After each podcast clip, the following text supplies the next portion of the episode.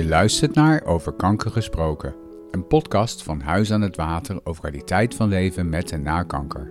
Mijn naam is Michel Dane. In deze aflevering gesprek met Machteld de Bonte Jong.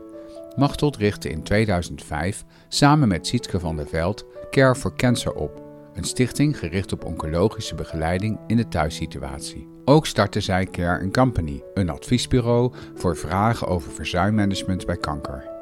Samen met Return en Stap Nu richtte Machteld het kenniscentrum Werk en Kanker op dat waardevolle achtergrondinformatie en kennis verstrekt. In deze podcast vertelt ze over haar persoonlijke ervaring met kanker en haar drijfveren achter haar werk. Ook geeft ze tips voor het ontwikkelen van goed werkgeverschap bij kanker. Wat is jouw connectie met kanker? Ja, mijn primaire connectie is dat ik ooit als ervaringsdeskundige in deze wereld terecht ben gekomen. En dat is eh, twintig jaar geleden. Dus ik kreeg uh, een diagnose borstkanker en op dat moment hoorde ik eigenlijk voor het eerst het woord oncologie, want ik had geen idee. Wie, wie gebruikte dat woord? Nou, dat, dat, ik zag dat alsmaar staan op borden als je naar je chemo liep. En dan dacht ik, wat is dat eigenlijk? Dus dat vroeg ik uh, aan mijn internist. En uh, die zei, ja, ander woord voor kanker. Oh, zei ik, nee, dat is prima. Dus ja, zo, zo ben ik erin gerold. Uh, en heb eigenlijk ook nooit op een of andere manier bewust gedacht: ik ga in die oncologie uh, verder. Ik ben natuurlijk ook geen oncoloog. Maar ja, vanuit een ervaring gedacht: God, ik moet, iets, ik moet hier iets mee. Ja, want, want hoe komt dat? Want dat heeft niet iedereen. Nee, nou, ik, had, ik, ik was vrij jong, uh, 36, en ik. Um, ik weet wel dat ik, ja, ik heb niet zo heel veel kritische vragen gesteld. Ik ben keurig zo, door zo'n behandeltraject gegaan.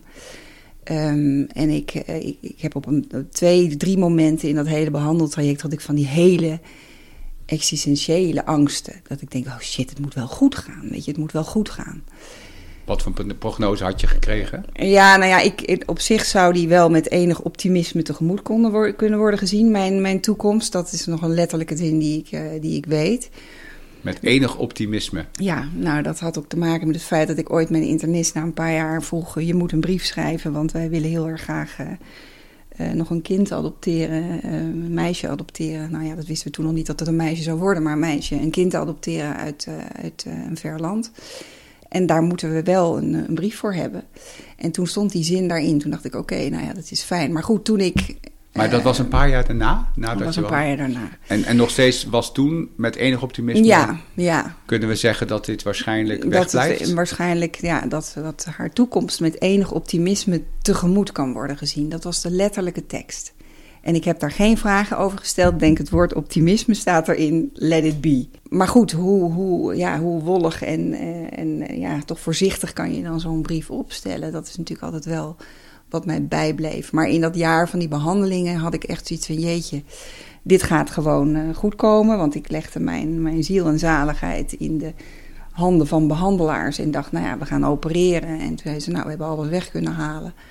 En we doen nog uh, chemo voor de zekerheid, zo'n adjuvante variant. Nou, ik vond het allemaal oké. Ik denk natuurlijk ruim op wat er nog in zit. En dan zal het goed zijn. En daar had ik ook echt een ongelooflijk rotsvast vertrouwen in. Er was geen, geen, geen haar in mijn hoofd die daaraan twijfelde. Waar haalde je dat vandaan, dat vertrouwen? Ja, dat weet ik niet. Dat zat gewoon dat in mij. Gewoon. Een soort gedrevenheid, omdat dat... Uh, nou ja, ik heb ook een hele optimistische echtgenoot, dat helpt ook.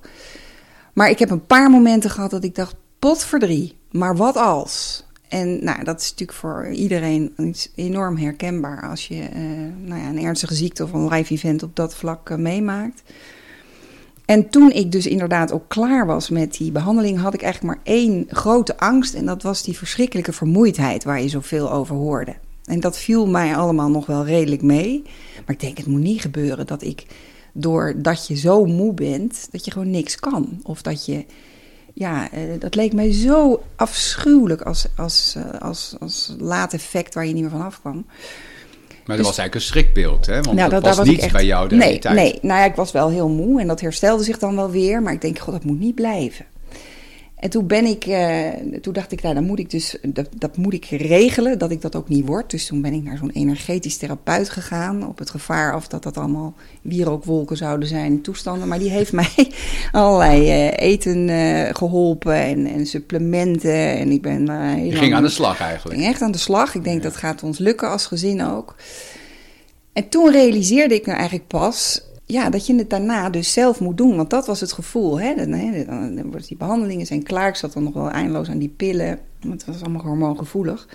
Maar dat dat lijf dan ook zelf en je eigen geest dat ook allemaal weer gewoon maar moet gaan doen. Dat, ehm, dat, daar, daar had ik nog wel wat vragen over. Ook omdat ik, en realiseer je, het is natuurlijk een beetje de prehistorie, twintig jaar geleden, als wat ik nu allemaal heb Dat meegemaakt. en een totaal andere zien. tijd. Absoluut eh, andere tijd. Ja. Maar ook qua ehm, ondersteuning. Ja, ja. En ehm, ja, eh, nou ja, goed. Om allerlei redenen dacht ik van jeetje, het is toch eigenlijk wel heel raar dat je niet. Ja, zo'n behandeling is zo'n pad wat voor je uit wordt gestippeld en daar ga je dan doorheen. Maar het verdere leven daarna, daar had ik eigenlijk totaal geen, geen handleiding voor gekregen. Dus, ehm, en we deden het goed hoor. We hadden een, een- een lieve vrienden om ons heen en allemaal prima. Maar er waren wel dingen waarvan ik dacht: Goh, eigenlijk wel heel raar dat je dat niet eh, gewoon standaard aangeboden krijgt. als het voor jou van toepassing is. Hè? Dus je moest je zoektocht daar een beetje in vinden. Want hoe kwam jij bij die, eh, die therapeut, wat je net vertelde, waarvan je hoopte dat hij je zou kunnen helpen Via, via. aan het behandelen van moeheid? Gewoon via, via. Ja, ja.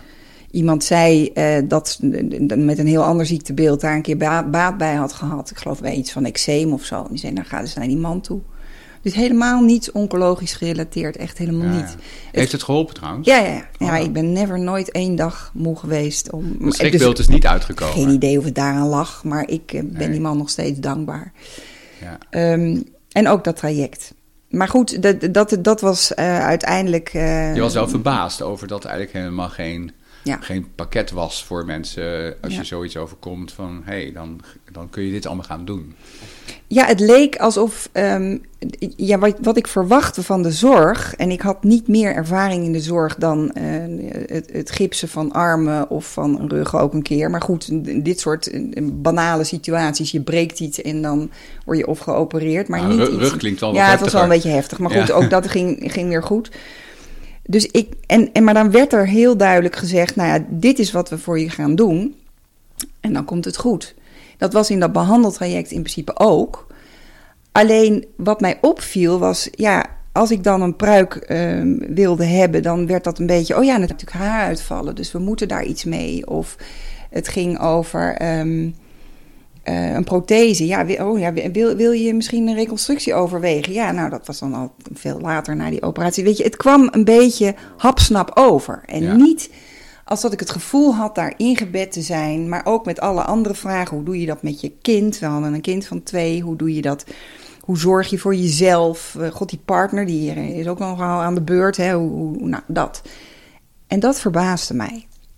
Dat, eh, daar, daar moest je echt naar eh, op zoek. En eigenlijk viel dat kwartje pas veel later. Ook omdat ik...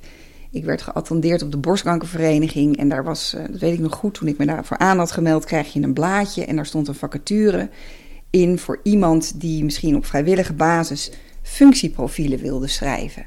Nou, dat deed ik toevallig al als werk. Ik denk, god, dat is grappig.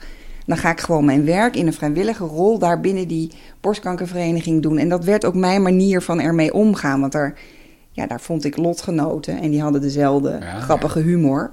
Je, je, En- je, kon- je kon wat doen. Ik kon dat doen Ja, ja. en ehm, eh, ik hoefde niet. Ik heb één keer zo'n lotgenotenbijeenkomst meegemaakt. Nou, daar ben ik me wezenloos van geschrokken. Dat kwam te veel binnen. Dus dat heb ik nooit meer gedaan. Maar ik ben daar wel toen heel langzaam actief geworden. eh, ook op een gegeven moment nog als adviseur. Ik heb daar allerlei prachtige dingen mogen doen. die ook een beetje richting mijn, mijn werk als eh, zeg maar organisatieadviseur. eh, en, en op het vlak van personeelsadvies zaten. En zo rolde ik een beetje in die oncologische eh, wereld. Althans, in ieder geval in die, vanuit die patiëntenkant. En, en ontmoette je ook lotgenoten, maar Ja. dan niet direct van om mee te praten, maar meer dat Ja, gebeurde passant. Ja, ja we hebben, ik heb bijvoorbeeld een paar keer zo'n zo'n training mogen begeleiden. waar je mensen die, ehm, die echt in die ehm, eh, bewustwordingscampagnes mee gingen werken. Vrijwilligers die dan ook moesten praten met de verzekeraars of met ja, wetenschappers en onderzoekers. Die leidden je dan echt op, hè, om eh, belangenbehartigers waren dat, om die ook echt een rol te geven. Dus die moesten dat speelveld leerden kennen. En daar kwamen alle Uh, alle belangrijke mensen kwamen dan langs om daar iets vanuit hun eigen expertise te vertellen. Zodat je een beetje weet wat doen verzekeraars, wat doen oncologen, hoe ziet die, nou, hoe ziet die wereld eruit. Nou, prachtig vond ik dat om dat dan uh, te begeleiden. Maar goed, zo kwam ik er langzaam in. En ondertussen had ik een, had ik een plan bedacht dat ik een dat ik een soort van uh, ja, fijne plek wilde creëren. Ik noemde dat een health center voor borstkankerpatiënten. Waar ze wel dat tailor-made traject door zouden lopen. Dus als jij vanuit het ziekenhuis een bepaalde behandeling aangeboden krijgt, dan wordt er eigenlijk een soort van vertrekpunt voor je gecreëerd in dat mooie huis, waar je lekker eten krijgt, goed drinken enzovoort. En dat is een soort, soort, soort uh, pad wat je uitgestippeld krijgt. Uh, je, je gaat naar de, de, de pruikenmaker als je inderdaad nou ja, je haar gaat verliezen. Je gaat naar uh, voorlichting over protheses als, je, als dat aan de orde is. Nou goed, al dat soort dingen. Um, een heel centrum vol met professionals die zeg maar, daar hun spreekuren houden. En moet je meer expertise van ze ontvangen. Nou, dan kon je ook weer naar hun praktijk. echt maar een, een visie start. van, van een plek waar je terecht kan na... Ja. Uh, het, het hele naast, naast, Ah, naast. Vooral naast. Ja, dus het was een soort samenwerkingsidee. Maar dan niet in dat clean deel van zo'n ziekenhuis. Hè, want dat vond ik verbazingwekkend. Dat ook als je lotgenoten contact had, ik begreep het wel. Maar dan werd dat in een ziekenhuiszaaltje gedaan. Want dat was dan het ziekenhuis die dat ook faciliteerde. Nou, ik moest al spugen als ik die parkeergarage inkwam. Dus ik denk, dat, dat snapte ik niet. Dus ik had echt een, een behoefte om mensen in een hele fijne, hè, bosrijke plek te ontvangen. En ze dan met al die andere dingen eh, in aanraking te laten komen. We- weet je nog hoe je bij die visie kwam? Nou ja, ten eerste omdat ik dacht een fijne plek is belangrijk, maar ook omdat het over alles moest gaan dat niet puur en alleen met die primaire behandeling te maken had. Ja. En omdat ik me wel realiseerde dat zo'n zoektocht eh, naar wat is er dan goed voor mij, daar zag ik meer mensen mee worstelen. Ja, dat kost hartstikke veel energie. En dan heb je vaak ook nog situaties dat je dingen pas vindt als je denkt, ja, dat is een beetje laat Ja. had ik toen maar. En daar had ik wel een aantal schrijnende situaties van meegemaakt. Dat ik dacht, zo, dat is Kun, wel kun je een heftig. voorbeeld geven? Nou ja, mensen die zeiden, dit was wat trouwens voor mezelf ook, die zeiden van ja, ik had, ehm, ik had veel meer voorlichting willen hebben. Nou, dat is nog wel een beetje medisch gericht, maar over de mogelijkheid van het invriezen van je eicellen. Hè, als, als dat aan de orde is. Of ik had eh, veel meer ondersteuning willen hebben in hoe ga ik het doen. Nou ja, later wordt dat een thema met mijn werk. Ehm, dan had ik nu niet hè, in zo'n eh, conflict situatie of anderszins met mijn baas gezeten. Maar ook mensen die zeiden: Ja, ik, eh, ik, ik heb eigenlijk heel slecht voor mezelf gezorgd. Omdat ik vond dat ik alles zelf moest doen. En nooit heeft iemand mij ehm, eh, ja, geholpen met het feit: joh, als ik jou nou een beetje coach als, eh, hè, om om te gaan daarmee in je copingstijl. Of om, omdat er oud zeer omhoog komt, dat nog veel meer uitvergroot, waardoor je echt omvalt. Nou ja, in die periode was het nog wel zo dat, ze, dat, dat, dat je volle bak behandelingen kreeg. En dan keken ze wel of je het zwarte gat zou aantikken als die behandelingen klaar waren. En dat je dacht, oh god, wat was ik ook alweer voordat ik die diagnose kreeg. Want zo, zo ervoer ik het zelf ook. Ja, ja. En dat was eigenlijk ook, nou ja, goed, lijkt net alsof ik het echt over, eh, over de middeleeuwen heb. Maar zo voelt het soms ook wel als ik zie hoeveel er nu gebeurt. Want dat, klinkt- daar klinkt iets positiefs doorheen, dat Tuurlijk. er wel al heel veel gebeurd is Ja, is sindsdien. Kun, je daar wat over Ja. zeggen, wat je Ja. gezien hebt sindsdien? Nou ja, eh, dat, eh, als ik het heb even over dat primaire idee van mij met dat health center, ja, dat is zich natuurlijk veel meer gaan manifesteren. Want ik heb het over de periode dat ehm, psychosociale zorg, en misschien eh, heb ik dat nou een beetje niet helemaal helder meer voor de bril, maar volgens mij werd het alleen nog maar door het, het IKA in Amsterdam geboden in, in eh, samenwerking met het ziekenhuis al daar. Dus dat was niet zo. En natuurlijk was er een Helen Dowling Instituut en, en er waren andere psychosociale centra, maar het was niet altijd zomaar eh, aangeboden. En al helemaal niet direct na of naast gedurende je behandeling al. al tijdens. En dat zijn natuurlijk wel de, de winstpunten. Daarnaast is het zo dat je ook ziet met, en dat is altijd ook een voorbeeld wat ik in het thema werk en kanker naar voren breng. Het medische model is ook gekanteld. Dus wat je nu aan, aan absolute meerwaarde ziet, is dat mensen worden eigenlijk vanaf dag één geactiveerd om bij dat normale leven betrokken te blijven. Terwijl ik in mijn periode, en dat heb ik met meer mensen gehoord, echt het gevoel van een nou ja, soort, soort corona-lockdown had. Doe maar in quarantaine gaan en kom er maar weer uit. Als, Als je persoon hè, in je leven, alles stond stil. alles stond stil. Ja. En er werd op geen enkele, bedoel, ik, ja, op geen enkele manier gedacht van nou probeer maar zoveel mogelijk nog wel dingen te doen, betrokken te blijven, gewoon je Dat, dat heb je echt zien doorgezet. veranderen. Dat is absoluut Ja. mee. Nou, en, en dat daar dus zoveel meer voor beschikbaar is, maakt natuurlijk niet het landschap altijd overzichtelijk. Maar er zijn wel eh, keuzes en er wordt heel erg ingezet om mensen daar ook echt vanaf dag één, ook vanuit het ziekenhuis, heel erg goed mee te helpen om het juiste spoor te vinden daarin. Nou, en dat was wel de ambitie die ik vanaf het begin af aan eigenlijk eh, heb opgezet. Ehm, dat had ik met dat health center, maar goed, dat haalde het allemaal niet. Ik heb dat plan toen ook weer in de, in de, in de ijskast gelegd. Ik denk, wat een gedoe. Wa- wa- waarom zo- dan even? Omdat het gedoe was? Het was gedoe, omdat ik op een gegeven moment dacht... nou, ik had één, ik had op een gegeven moment met een zorgondernemer gesproken... die zei, Machtel, het is echt niet zo handig om het alleen voor borstkanker te doen... Want dan, eh, ja, dan, dat zijn te kleine aantallen om het echt eh, nou ja, rendabel te laten zijn. Daar heb je het dan ook alweer over. Dus verbreed het met, met, voor alle kankersoorten. Nou, daar werd ik natuurlijk een beetje nerveus van. Want toen dacht ik, hoe, hoe groot moet het dan worden? En ja, ik deed het ook maar in mijn eentje. Dat was één ding. Maar toen dacht ik, ja, je hebt wel een punt. Hoe kom ik er dan achter hoe ik dat moet gaan doen? En het tweede deel was dat ik op een gegeven moment naar een zorgverzekeraar ben gegaan en gezegd: Nou ja, weet je, volgens mij, als dit plan eh, iets wordt, dan moeten jullie dat gaan vergoeden. Ja, zo simpel had ik mijn vraag gesteld, denkend: Het moet niet voor de happy view zijn. En ik zou niet weten hoe ik anders die mensen moet betalen, want ik wil niet dat die patiënt daarvoor betaalt. Want ik had ook wel meteen door dat dan een doorverwijzing door het ziekenhuis gewoon niet aan de orde zou zijn. En wat zeiden ze? En die zorgverzekeraar zei: Zolang wij nog ehm, onze, ehm, eh, onze aandacht moeten geven om ziekenhuizen de beste vorm van chemotherapie te laten geven, dus niet inferieure kwaliteit, hebben wij hele andere dingen aan ons hoofd. Onze aandacht zit bij het primaire proces. Het primaire proces, maar met name bij, de, bij het curatieve deel. Bij bij, bij het ja. behandeldeel, sorry. Ja. Ja. En dus niet bij die kerkkant. Is dat veranderd nu, denk je? Zeker veranderd. En gelukkig heb ik dat ook zelf mee mogen maken. Want toen ik uiteindelijk, eh, nou ja, na aanleiding van dat eh, plan ehm, door een vriendin aan eh, een oncologieverpleegkundige werd geplakt, die notabene bij mij in de straat was komen wonen en die ook een plan had. Nou, zo is, en dat is Sietske van der Veld geweest, zo is eh Care for Cancer ontstaan. Die had een ja. vergelijkbaar plan, die dacht... ik moet achter die patiënten aan als ze een diagnose hebben gehad. Want thuis komen de vragen en daar moet ik ze dan ook op gaan halen. Toen dacht ik, dat, dat is eigenlijk wel veel handiger.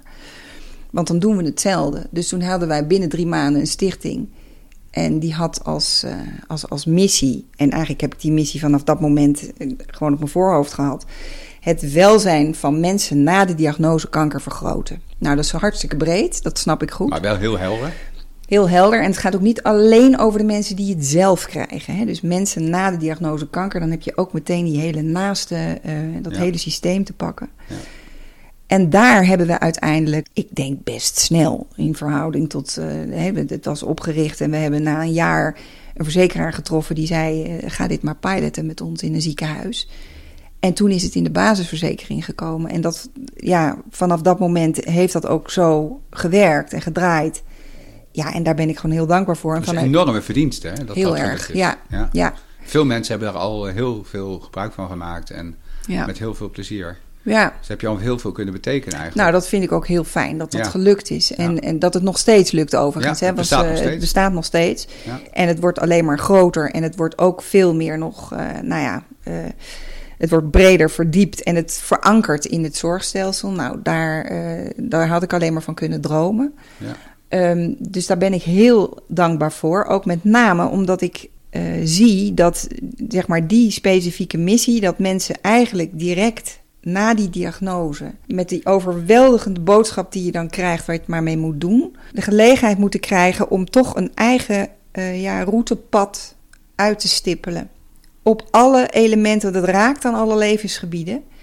En dat is keihard werken voor iedereen. Maar als je daar mensen op wat voor manier ook die eigen regie eh, voor teruggeeft, vanuit je eigen rol als professional en iedereen die om die mensen heen staat, dan ben je respectvol bezig. En dat vind ik natuurlijk niet alleen voor kanker, dat vind ik voor alles. Als er, als er mensen in mijn omgeving naar een ziekenhuis gaan, roep ik altijd achteraan: Je bent klant, je bent klant, dus zorg ook dat je zo behandeld wordt. Ja. En in, niet, in het ziekenhuis gebeuren fantastische dingen en er zijn heel veel momenten waarop je je klant voelt. Maar er zijn ook heel veel momenten waarop mensen dan toch denken: potverdrie, nou voel ik me ineens toch een nummer. Ja. En dan zou ik zo heel erg graag willen dat het nou zo. Ja, mooi. Ehm, ja, ik kan me voorstellen dat je daar met veel tevredenheid naar terugkijkt. eh, hoe dat is ontstaan, dat Care for Cancer. Maar toch ben jij op een gegeven moment toch wel een soort afsplitsing begonnen. Je noemde net al werk. Ja. Hoe, hoe kwam dat eh, eh, tot ontwikkeling?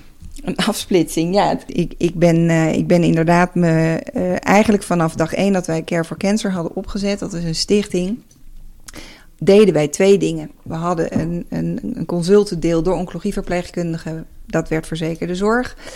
En eh, we hadden Care Company opgericht als onderdeel van die stichting, die- wat zich bezig zou houden met ondersteuning en begeleiding van werkgevers over kanker en werk.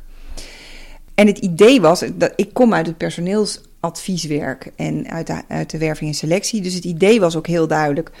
Ehm, nou, de, de, de, de zorgprofessional uit ons team, hè, met z'n tweeën eh, waar we begonnen, die gaat eh, dat hele consultendeel op, opzetten. En ik zou me eh, vanuit die stichting meer gaan richten op dat werkdeel. Dat, dat wat je al deed bij de borstkanker. Ook, ja, maar ook de werf selectie en ook, dat deed ik ook al. Maar we zouden ons dan specifiek gaan richten om werkgevers te helpen, du moment dat er kanker op de werkvloer was, met allerlei eh, onderdelen waar ze tegenaan liepen. En of dat coaching was van leidinggevende, of het was met name ook heel veel informatievoorziening, en training en goede, ehm, nou ja, bij wijze van spreken informatie aanreiken, zodat ze zo min mogelijk uitval zouden ervaren of de juiste begeleiding van die medewerkers zouden kunnen inzetten. Dat was mijn primaire doel. En waar- waarom vond je het zo belangrijk om je daar nou specifiek op te richten? Waar het met name over ging, was dat ik zag dat uit heel veel eh, angst en onwetendheid en handelingsverlegenheid er dingen gebeuren in, eh, op het werk in relatie tot kanker. Dat als je daar je over eh, geïnformeerd hebt en, en weet waar je de goede informatie en, en de goede professionals kan vinden, ja, dan voorkomt dat heel veel leed en onnodig leed met name, maar ook heel veel onnodig verzuim. En, dan bedoel je het vanuit het perspectief van de werkgever. Nou, ik bedoel het vanuit het perspectief van de werkgever en de werknemer. Het gaat om totaliteit. Alleen waar wij, wij zijn geen reintegratiebureau. Maar dus waar wij ons met name op richten, is dat wij binnen de organisatie een klimaat willen, eh, willen, willen opzetten, willen helpen inrichten. Waardoor dat werkgeverschap, dat goede werkgeverschap bij kanker ook echt eh, een vorm krijgt. En niet alleen bij kanker wat ons betreft, maar bij ernstige ziekten en live events. Die natuurlijk zo wereldschokkend zijn. En waar je je ook van realiseert dat je als werkgever eigenlijk een van de eerste bent in die periferie van zo'n betreffende persoon die daar, die dat hoort, alleen al die boodschap. Dat je dan eh, vanaf dat moment, en dat zagen we namelijk in het begin heel erg gebeuren, dus jaren geleden, dat dan meteen ook de reactie was: dan ontslaan we je van alles wat verplichtend eh, ten opzichte van je werk is. Dus ga naar huis, meld je ziek, je zult je aandacht en je Dat tijd is de primaire energie- reactie vaak. Dat is natuurlijk al de primaire reactie Ja. vaak geweest. We gaan je ontzien. We gaan je vooral ontzien, want Ja. dat zal helpend zijn. En dat kan voor een paar dagen helpend zijn, maar dat, nou ja, goed, we weten nu inmiddels, gelukkig hoe langer hoe meer, wat, eh, wat je eigenlijk moet doen als werkgever. Namelijk dat je die, dat, dat open gesprek moet aangaan en wat heb je nodig. En dat dat op dag één misschien in een heel ander daglicht staat dan als je weken verder bent. Ehm, dus alleen al het feit dat wij zagen dat er zoveel ja, afstand ontstond tussen, tussen mensen die met zo'n traject bezig zijn en die behandelingen die zwaar zijn. En ja, weet je, en, en tussen, tussen die mensen en dat werk. Waardoor het daarna een hel of een job is om weer bij elkaar te komen. Omdat je eigenlijk in twee totaal verschillende werelden hebt geleefd. Ja, Terwijl dat wel heel goed bedoeld is eigenlijk. Hè? ja, tuurlijk. Ja. Daar gaat het ook Het is eigenlijk zo van, joh, eh, ga jij even doen wat je nodig hebt. Ja. Eh, eh, maak je even niet druk over het werk. Nee. Dat, dat lossen wij wel op. Jij, Ja. jij moet nu even bezig zijn met je eigen gezondheid. Kom je er later achter, zeg je, dat dat eigenlijk niet de beste manier is vaak. Nou ja, ehm, dit is ook een goede manier. Het is natuurlijk fantastisch als ik een empathische leidinggevende tegenover mij heb, die, die snapt dat ik waarschijnlijk de komende tijd wel even wat anders aan mijn hoofd heb.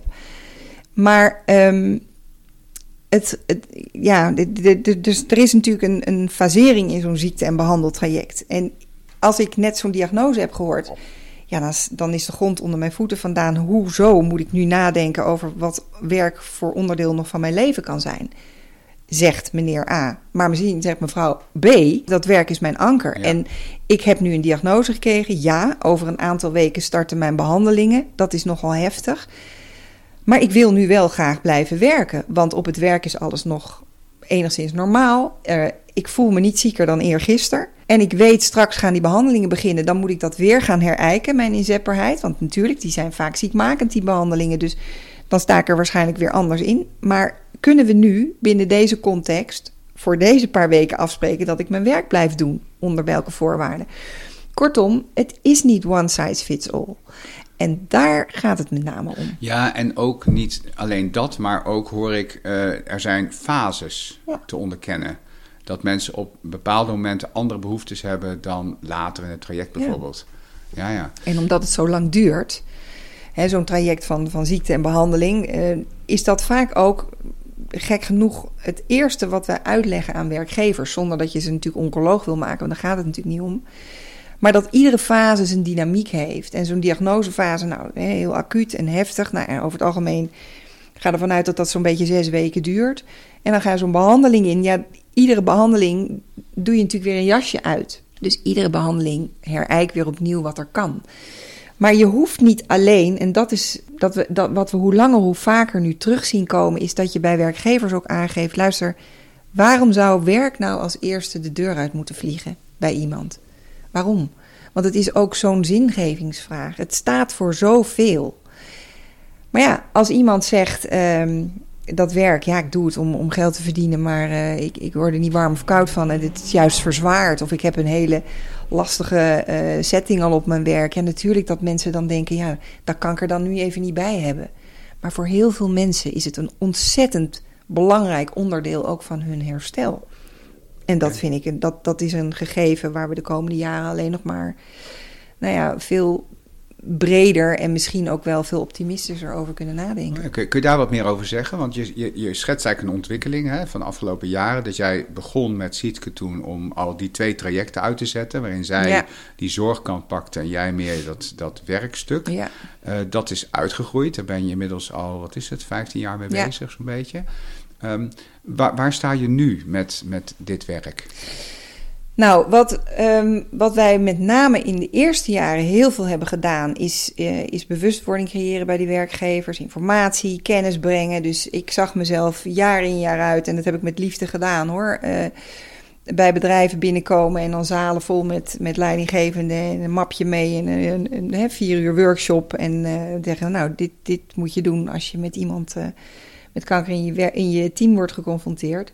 En dan zag ik ze die zaal uitgaan en dan zei, eh, weet ik veel, hoofd van wat voor afdeling ook maar. Oh ja, en dan over drie weken heb je de volgende groep van twintig. En dan dacht ik, ja, ik vind het geweldig hoor dat jullie hier zoveel tijd en energie in stoppen. Maar ja, beklijft dit ook? En toen heb ik met een aantal werkgevers, en daar staan we eigenlijk uh, nu de laatste jaren ook nagedacht over hoe kunnen jullie dit nou veel beter borgen in je organisatie. Dat houdt in dat je handvatten geeft aan je leidinggevende, um, maar ook doordat je een aantal procesafspraken met elkaar hebt. En zo zijn we gekomen tot een programma wat uh, nu bij, uh, bij een aantal werkgevers draait. En dat is, uh, of draait, maar wat is ge geïntroduceerd, wat ze zelf eigenlijk in hun eigen HR-beleid hebben opgenomen. En dat is het Caring Company programma, waarbij je eigenlijk probeert om te kijken hoe implementeren we nou goed werkgeverschap bij ernstige ziektes, live events en dus ook kanker. En dan vragen we eigenlijk een organisatie om uh, goed na te denken over waar loopt het proces wat je nu met elkaar hebt afgesproken, want iedereen heeft een HR en een verzuimbeleid. Waar zou je dat nou kunnen aanscherpen of verdiepen of verbreden, whatever, als het gaat over een dusdanig ernstig aan een live event als kanker? Nou, als voorbeeld bijvoorbeeld eh, kun je zeggen, als, het, als je begrijpt dat iemand een langdurig traject ingaat, dan zou je bijvoorbeeld bij zo'n diagnose, wat dus niet meteen hè, een ziekmelding hoeft te zijn, zo'n diagnosemelding, zou je bijvoorbeeld al kunnen bedenken, wie kunnen wij vanuit de organisatie hierbij betrekken? Is het misschien een idee, ik noem maar wat, om bij dit soort situaties direct al te zeggen dat uh, de betreffende medewerker eens een oriënterend adviesgesprek met de bedrijfsarts heeft? Alleen al om de bedrijfsarts te laten uitleggen: wat zou ik voor je kunnen betekenen? Wat zou ik kunnen doen om te zorgen dat jij op de wijze en de manier waarop jij dat wil en kan je werk zou kunnen blijven doen. Of hè, in ieder geval betrokken blijft bij dat werk.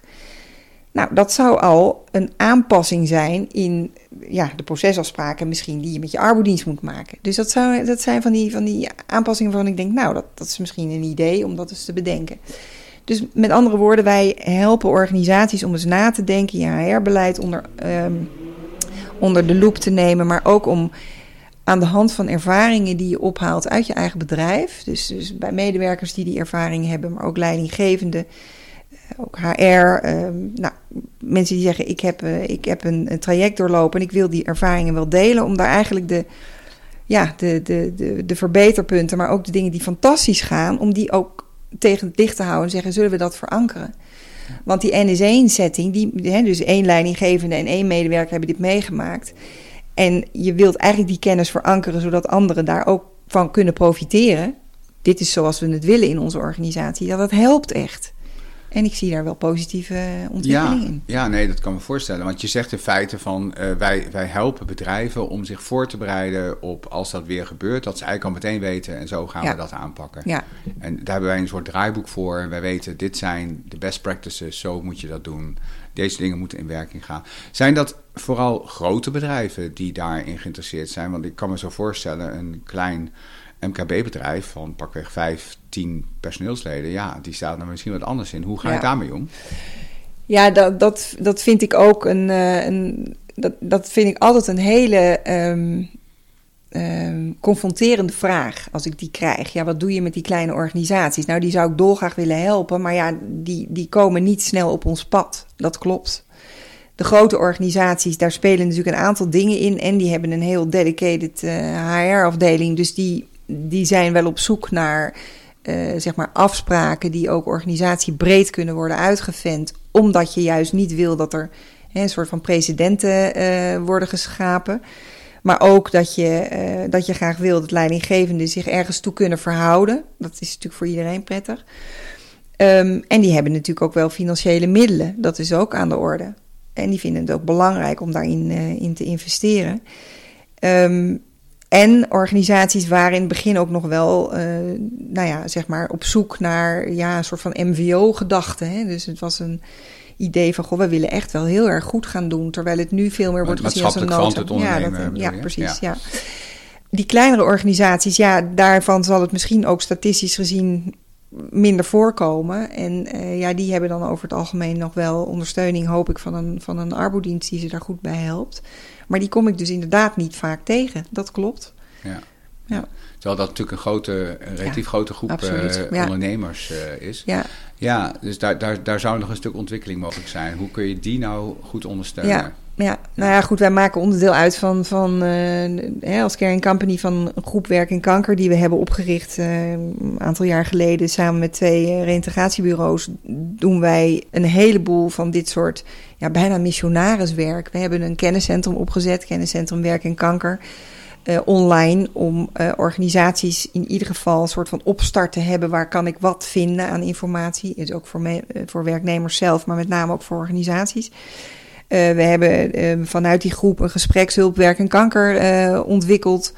Samen met de NFK, dus de Nederlandse Federatie Kankerpatiëntenvereniging. Allemaal om te zorgen dat er wel zoveel mogelijk kennis en informatie wordt verspreid en, en breed wordt aangeboden. Ook al meteen in het ziekenhuis. Dus ja. Je hebt een website. Nou, ik zal die websites uh, die je net noemde, zal ik ook uh, onder de beschrijving van deze podcast uh, zetten. Want mensen kunnen daar dus altijd informatie op ja. vinden. Ze kunnen jullie bereiken. Als je dan kijkt naar waar je nu staat, heeft enorm veel al gedaan. Je noemt het zelf missionariswerk. ja, je, je, hebt eigenlijk je eigen vakgebied uh, meer toegespitst op het terrein waar je zo'n 20 jaar geleden zelf, uh, ja, uh, niet uit eigen keus natuurlijk mee te maken kreeg. En ja. daar heel veel in betekent. Als je dan vooruit kijkt, waar zou je graag nog komende tijd ontwikkelingen zien en waar wil je graag nog aan bijdragen? Ja. Um, nou ja, als ik, als ik een soort spreekwoordelijke stip op de horizon heb, dan is um, eigenlijk wel een belangrijke ja, missie van mij uh, om organisaties te helpen bij um, dat grip krijgen op dat werkgeverschap. nog steeds op dit werkgeverschap bij ernstige live events, ernstige ziektes uh, enzovoort. Omdat ik weet dat als je, als, je, als je daar maar heel kort even goed over na hebt gedacht in een aantal maanden, dat het je zoveel bespaart.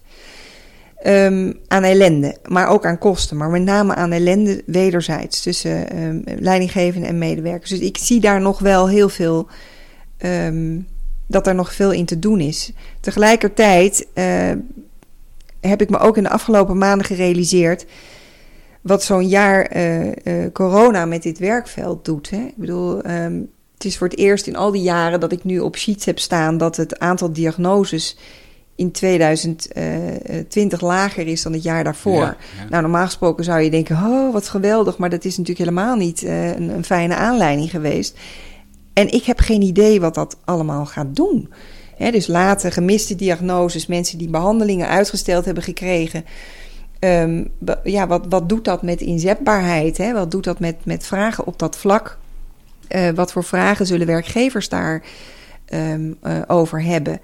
Ik heb ook gemerkt in het afgelopen jaar dat. dat um, kijk, wat we, wat we hebben willen proberen te doen met meerdere uh, partijen samen. En ook met meerdere domeinen, politiek, met de wetenschap, met de patiëntenfederaties, met, en met iedereen. Is om te zorgen dat je ook een heleboel uh, normaliseert op dit thema. Dus niet meer dat iedereen denkt, nou ja, dat kanker is heel bijzonder. Het zal ook wel niet zo vaak voorkomen op de werkplek. Dus ja, waarom zouden we daar nu over na moeten denken? Ambitie is om het veel meer op dezelfde lijn als, als hè, andere ernstige ziektes te kunnen brengen. Met die verstande dat je wel begrijpt dat kanker niet één ziekte is en dat er heel veel verschillende verlooptrajecten zijn met heel veel verschillende uitkomsten.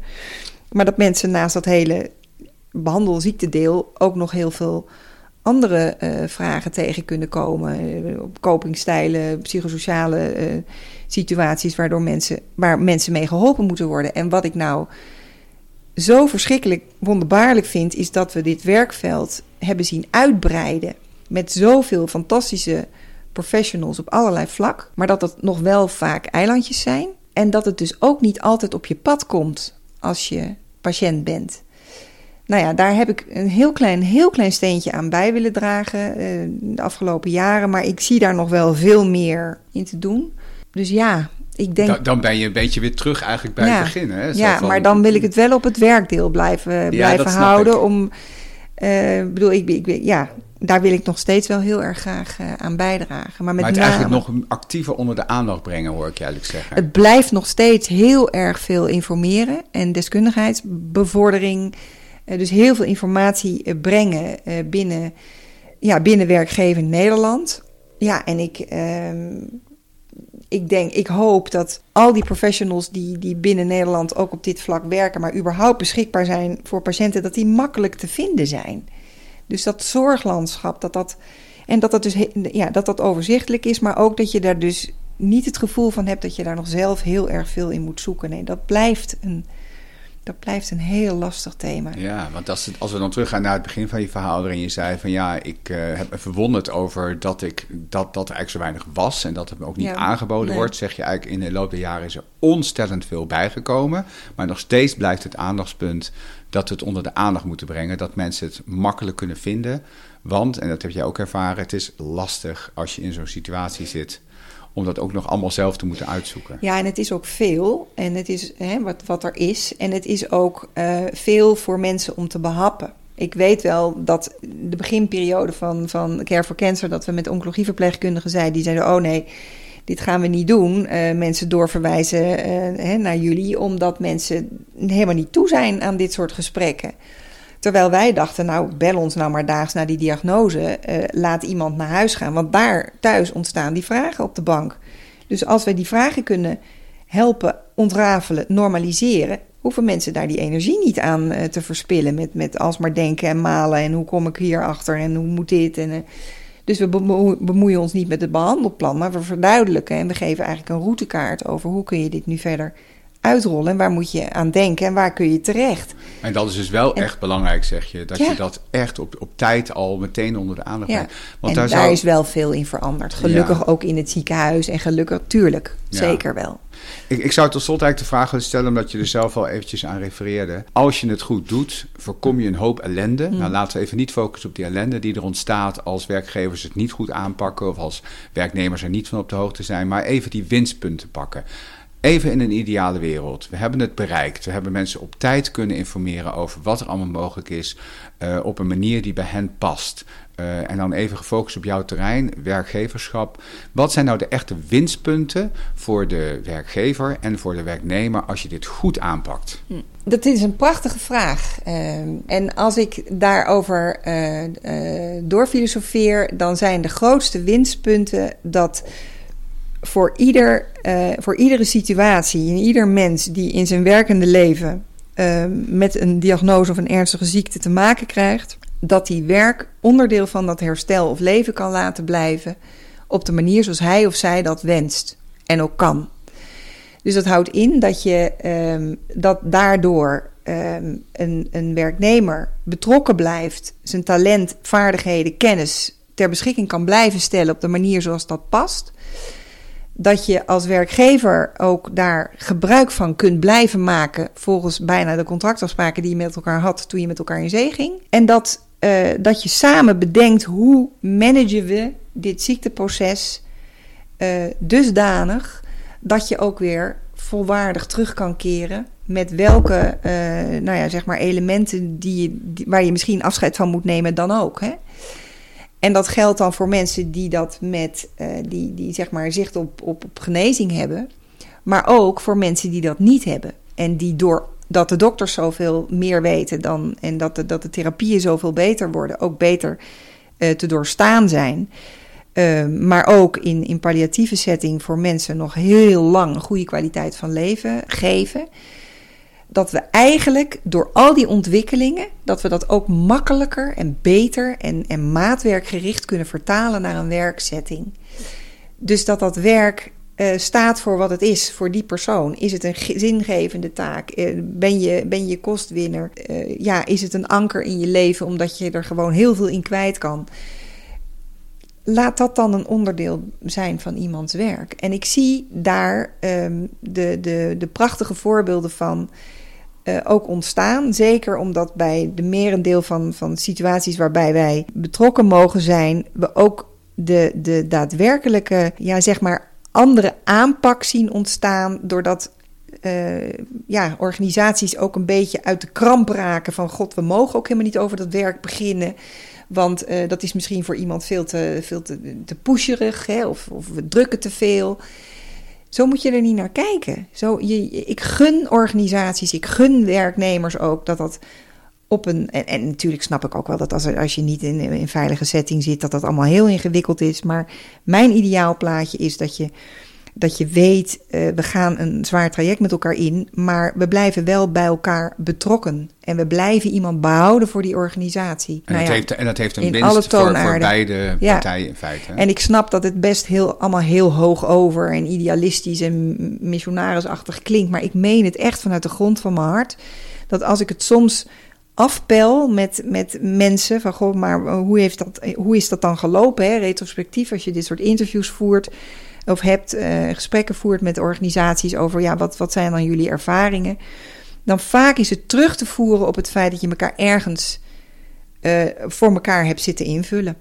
Of uit, uit angst, of, of dat een, een leidinggevende denkt: ja, ik, ik, wat mag ik dan eigenlijk wel vragen? En waar moet het dan over gaan? En dat, een, dat, dat, dat je elkaar niet echt hebt gesproken, omdat dat ook te veel afstand gaf of, of te, te, te heftig was. En daar ben je elkaar dan kwijtgeraakt. Daar ben je elkaar dan kwijtgeraakt. En dat, is, dat gaat heel makkelijk en heel snel natuurlijk ook. En, en, ik hoor je eigenlijk zeggen van, je hebt al wel goede voorbeelden gezien. Die zie je ook. Ja.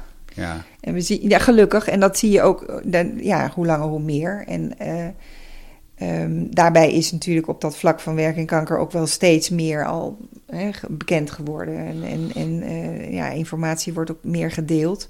Dus ja, in die zin uh, gaan we echt wel de goede kant op. Ja. Maar er kan nog meer. En daar heb jij nog steeds heel veel betrokkenheid bij en heel veel motivatie voor om daar nog veel meer mooi werk in te doen, als ik het zo hoor. Ja. Echt heel mooi hoe je het bezig bent. Succes verder met uh, het nog dichterbij brengen van die uh, stip op de horizon. Dankjewel. En uh, dankjewel voor dit gesprek. Dankjewel.